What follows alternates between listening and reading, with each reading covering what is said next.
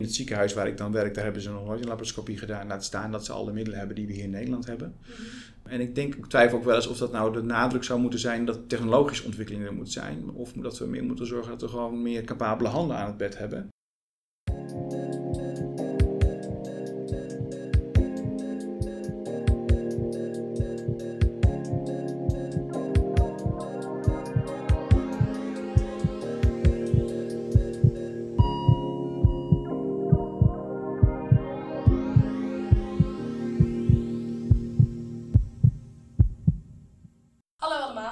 Je weer luistert naar de VCMS podcast. Wij zijn Lotte en Gijs en we zijn hier namens VCMS Groningen. En vandaag hebben we dokter Marco Versluis te gast. Welkom. Hoe zou u zich kort kunnen voorstellen aan onze luisteraars? Ja, zeker. Ik ben Marco Versluis. Ik ben gynaecoloog met een achtergrond in Global Health. En ik heb een passie voor onderwijs. En kan u nog wat meer vertellen over eh, hoe u bent gekomen bij Global Health? Ja, ik heb best een lange, lange, lange pad gehad, maar ik ben bij Global Health een beetje terechtgekomen toen ik in mijn geneeskundeopleiding ben gaan reizen. En toen ook kooschap in het buitenland heb gedaan. En dat is voor mij een trigger geweest om de opleiding te doen tot, eh, eh, tot toen trooparts. En tegenwoordig heet dat arts internationale gezondheid en tropengeneeskunde. Om het iets breder te trekken dan alleen maar eh, malaria of andere infectieziekten. Om onze spreker wat beter te leren kennen hebben we een leuke openingsvraag. Wat wilde u worden tijdens uw studie geneeskunde? Na mijn middelbare school ben ik eerst biologie gaan studeren omdat ik twijfelde of geneeskunde wel echt iets voor mij was. Met name of ik de verantwoordelijkheid wel aankon. En toen ik leerde gaandeweg dat ik toch wel heel belangrijk vond om met mensen te werken en toch ook wel heel erg leuk vond om geneeskunde te studeren, toen ben ik toch de overstap gaan doen. En toen in eerste instantie wilde ik gewoon dokter worden. Ehm, het- de passie echt voor het internationale, dat kwam echt gaandeweg de studie. Wat leuk. En wat doet u met uw specialisme? U bent ook gynaecoloog vooral. Ja, ja. ja daar zit een beetje een, een overlap. Toen ik aan het eind van mijn geneeskundeopleiding kwam, en toen, eh, toen heb ik mijn, mijn kooschappen gelopen. En toen had ik bij elk kooschap wel het idee van, oh, nou, misschien zou ik dit wel willen worden, of misschien dit wel. Eh, maar gynaecologie en eh, internationale gezondheid stonden echt wel bovenaan voor mij. Omdat het, nou ja, het zowel vakinhoudelijk als qua relevantie mij het meeste aanspreekt. Oké. Dus u was beetje algemeen de opleiding ingegaan met voorkennis van biologie. En dacht toen geleidelijk door de kooschappen, gynaecologie en global health is heel interessant. Ja, klopt. Ja. En heeft de voorkennis van biologie dan nog verder in- invloed gehad op uw keuze? Nee, die speelt er een beetje, speelt er een beetje doorheen. Eh, enerzijds omdat biologie best wel een heel holistische studie is. Dus best wel heel erg ingaat op, op naast, naast het eiwitje ook het gedrag. Hè, dus ook het sociale idee. Ja, en anderzijds is het ook een beetje een rode lijn die door mijn, door mijn carrière heen gaat. Want mijn onderzoek ging gewoon over, eh, over oncologieonderzoek, over, eh, over eh, endometriumcarcinoom. Dus het was best heel specifiek. Dat heeft helemaal niet zoiets iets met internationale gezondheid te maken. Dus dat kwam pas later. Nee, dat liep er, loopt een beetje door elkaar heen. Het is niet Ja. allemaal zwart-wit. Het is niet dat ik één doel voor ogen had waar ik per se heen moest. Ik heb het juist een beetje anders gedaan. Ik ben heel erg door mijn studie en carrière heen gerold eigenlijk. Klinkt goed. Heeft u nog een specifieke interesse nog verder bij eh, uw vakgebied? Nou, ik heb, mijn aandachtsgebied is dat ik de algemene gynaecologie doe bij ons. Dus ik, eh, ik zie veel second opinions, veel menstruatiestoornissen, veel hormonale klachten. Dat is een beetje mijn aandachtsgebied. En, ehm, ja, en het onderwijs is bij ons eh, iets wat ik eh, voor onze afdeling eh, doe. En doet u dat onderwijs al lang? Eigenlijk sinds ik hier werk. Ik heb tijdens mijn opleiding al, eh, al, al veel gehad aan, eh, aan onderwijs en dat, eh, eh, al veel gedaan eraan. En daar ben ik eigenlijk gewoon in doorgegroeid toen ik hier, eh, toen ik hier ben blijven werken in het UMCG. Mhm. En voor mij is dat wel echt een ideale combinatie, want ik ben iemand die wel een beetje een brede interesse heeft. Dus als ik elke dag alleen maar productie zou draaien, ik vind het, nou, dat zou niet iets voor mij zijn. Ik vind het ook gewoon leuk om, eh, om af en toe gewoon eens helemaal te schakelen en eh, een podcast op te nemen of zo. Ja. Dat is Ja. altijd heel leuk. Ja, ja. En kan u ons wat meer vertellen over de opleiding tot arts? Ik ben even de Ja, naam. internationale eh, gezondheid en tropengeneeskunde. Ja. dat is een opleiding die, die eh, een aantal jaar duurt. Het is een geregistreerde specialisatie. Mhm. Waarbij je twee verschillende profielen hebt. Het ene profiel is moeder en kind en het andere is moeder en chirurgisch. Ehm, eh, en dan heb je een jaar chirurgie en een jaar gynaecologie. En dat was ook hoe de opleiding in mijn tijd eruit zag. Dan heb je daarna nog een stuk opleiding in Amsterdam aan het KIT, waar je publieke gezondheid leert. Eh, en dan ga je daarna nog een half jaar op stage in een lage inkomenssetting om ja, echt even te proeven aan het, eh, het werk als arts internationale gezondheid en tropengeneeskunde. Ik ben ooit wel begonnen aan die opleiding. Ehm, toen ik na mijn coachschap in Deventer ben gaan werken. Maar gaandeweg die opleiding ben ik overgeschakeld op de gynaecologie. Mhm. Omdat mijn overtuiging is dat je als je echt wat wil betekenen in lage inkomenslanden, je moet combineren met onderwijs. En, nou ja, dat is voor mij nu ook wat ik doe. Ik eh, doe veel onderwijs hier in Global Health. En ik ben nog betrokken bij een aantal projecten in Afrika waar we onderwijs geven om lokaal de workforce eh, te versterken. En eh, waar gaat het onderwijs over in het buitenland? Nou, in het buitenland gaat het enerzijds gewoon over hardcore gynaecologie. Dus wat doe je met een preeclampsie en hoe doe je een bevalling, hoe doe je een keizersnede. En anderzijds gaat het ook heel erg over, over hoe ga je om met tekort aan middelen, hoe zorgen dat we eh, eh, met elkaar samenwerken, hoe zorgen dat we, dat we met elkaar de zorg staande houden. Heeft u voorbeelden van wat u meeneemt hier weer naar Nederland? Ja, ik neem altijd weer een stukje klinisch inzicht mee, want de, de ziektebeelden daar zijn gewoon extremer. Dus ik maak altijd weer wat mee waar ik denk, oh ja, zo heb ik hier in Nederland ook in medisch inhoudelijk heel wat aan. Hoe beperkt de toegang tot zorg is voor sommige vrouwen en waarom dat is. Omdat ze, nou ja, we hebben genderongelijkheid, we hebben problemen met, met, met onderwijs voor vrouwen in sommige landen. Ja, hoeveel impact dat heeft op die gezondheid, dat is toch ook weer een realisatie die ik elke keer weer mee terugneem. Mhm. Ik weet het nu ook, ik weet het nu ook te benoemen, maar als ik in januari weer een keertje naar Afrika ga, dan kom ik weer terug en dan weet ik het nog weer beter. Mooi. En merkt u ook heel erg dat er grote verschillen zijn in de landen waar u naartoe gaat? Enorm. Bent u dan vooral, gaat u vaak naar Afrika of ook naar andere gebieden in de wereld? Ja, het onderwijs wat ik echt geef, dat, dat zit met name in Sierra Leone, in, eh, in West-Afrika. En dat is een land met een van de minst goede, laten we maar zo zeggen, maternale uitkomsten in de wereld. Mhm. Met een hele hoge maternale sterfte. En dat zit er met name in, echt in toegang tot zorg. Er is een groot gebrek aan zorgverleners. Er zijn veel te weinig dokters. Er zijn eh, 200 dokters in het hele land. En er, eh, eh, vrouwen hebben niet dezelfde positie in de maatschappij als dat ze hier hebben. Eh, we hebben het hier wel over ongelijke posities, maar dat is daar nog een graad erger. Om een voorbeeld te noemen, eh, de gemiddelde tijd dat vrouwen, daar, dat vrouwen daar naar school gaan, naar de basisschool, is twee jaar. Dus dat betekent als in ons ziekenhuis een verpleegkundige tien jaar school heeft gehad, dan zijn er vier vrouwen tegenover die gewoon nooit naar school gaan, die nooit leren lezen. Ja, en dat heeft gewoon een enorme impact op hun gezondheid en, en de mogelijkheden die ze hebben in het leven. Dus die verschillen zijn echt enorm. Mhm. Ja. En dit is een land waar ik dan zelf veel heen ga. ehm, maar ik heb een aantal PhD-kandidaten die ik begeleid in een onderzoek naar onderwijs. En dat is in Ethiopië en in Indonesië, waar die verschillen minder groot zijn, maar ook weer aanwezig. Ja.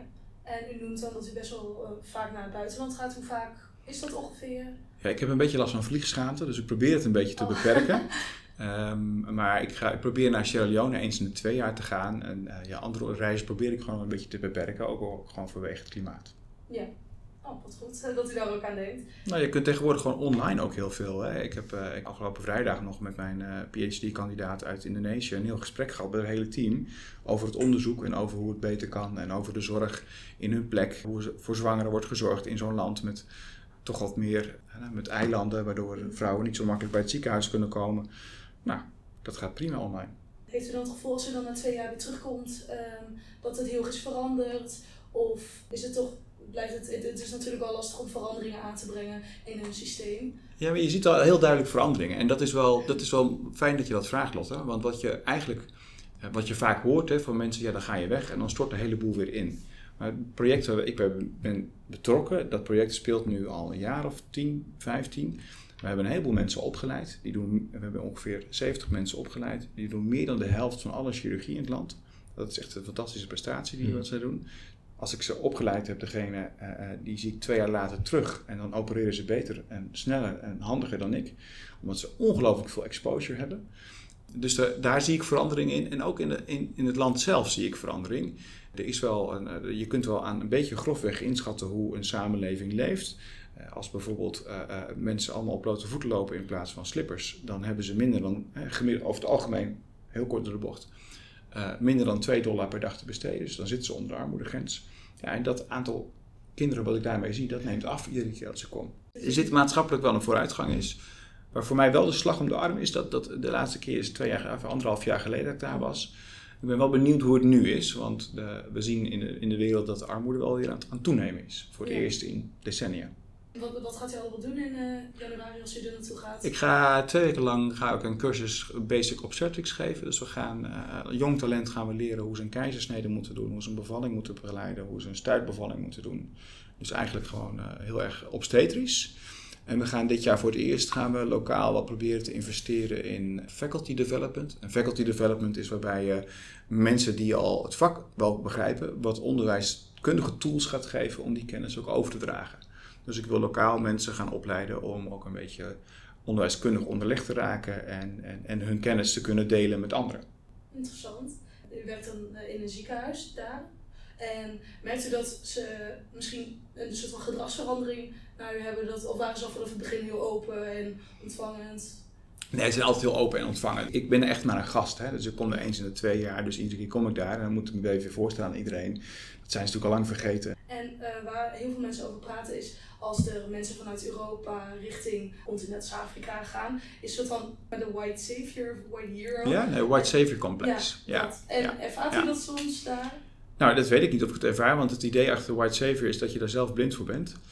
Uh, maar wat we bedoelen met white savior complex is dat je ergens heen gaat met het idee, ik ga de boel daar beter maken. Hè? En dat, dat, dat geeft natuurlijk, als je, als jij, dat geeft een beetje het gevoel van ik heb een rode cape om en ik, ik, ik zal eens eventjes. Ja, en dat is denk ik iets wat alle, alle ontwikkelingshulp behept of, of omvat. En waar je denk ik heel reflectief op moet zijn. En dat is best lastig, want je, dingen die je niet ziet, die kun je heel moeilijk ook, ook beredeneren. Hè? Een beweging is die je nu ziet, is decolonisatie van global health, waarbij we heel specifiek meer de vraag stellen: wat heeft een lokale setting nodig en wie kunnen we lokaal bekrachtigen, empoweren om dat tot stand te brengen. In plaats van dat we ergens komen en zeggen: ja, maar je moet het zo doen. Uh, je moet je scalpel zo vasthouden, of je moet het zo doen, of je moet dit protocol volgen. Dat is een stap die we nog moeten maken, in, denk ik, in ontwikkelingshulp. En het is mooi dat er aandacht voor is. Mm -hmm. Ja, ik denk dat het White Savior complex is denk ik iets wat, waar je iedere keer weer opnieuw op moet reflecteren. Ja, en merkte dat studenten, zoals PhD-studenten, die daar naartoe gaan, dat ze misschien ook met een eerste insteek per ongeluk toch zo ingaan? Ja, ik denk dat, het ook, dat je dat ook niet gelijk nou, je moet, moet bestraffen of zoiets. Het is denk ik wel, ja, het heeft te maken met een bepaalde vorm van naïviteit. En dat zie je sneller bij, bij studenten en mensen die voor het eerst heen gaan. De PhD-kandidaten die ik in het buitenland begeleid, die zijn lokaal. Dus dat zijn, dat zijn, niet, oh, dat zijn okay. geen, uh, dat zijn geen uh, Europese mensen.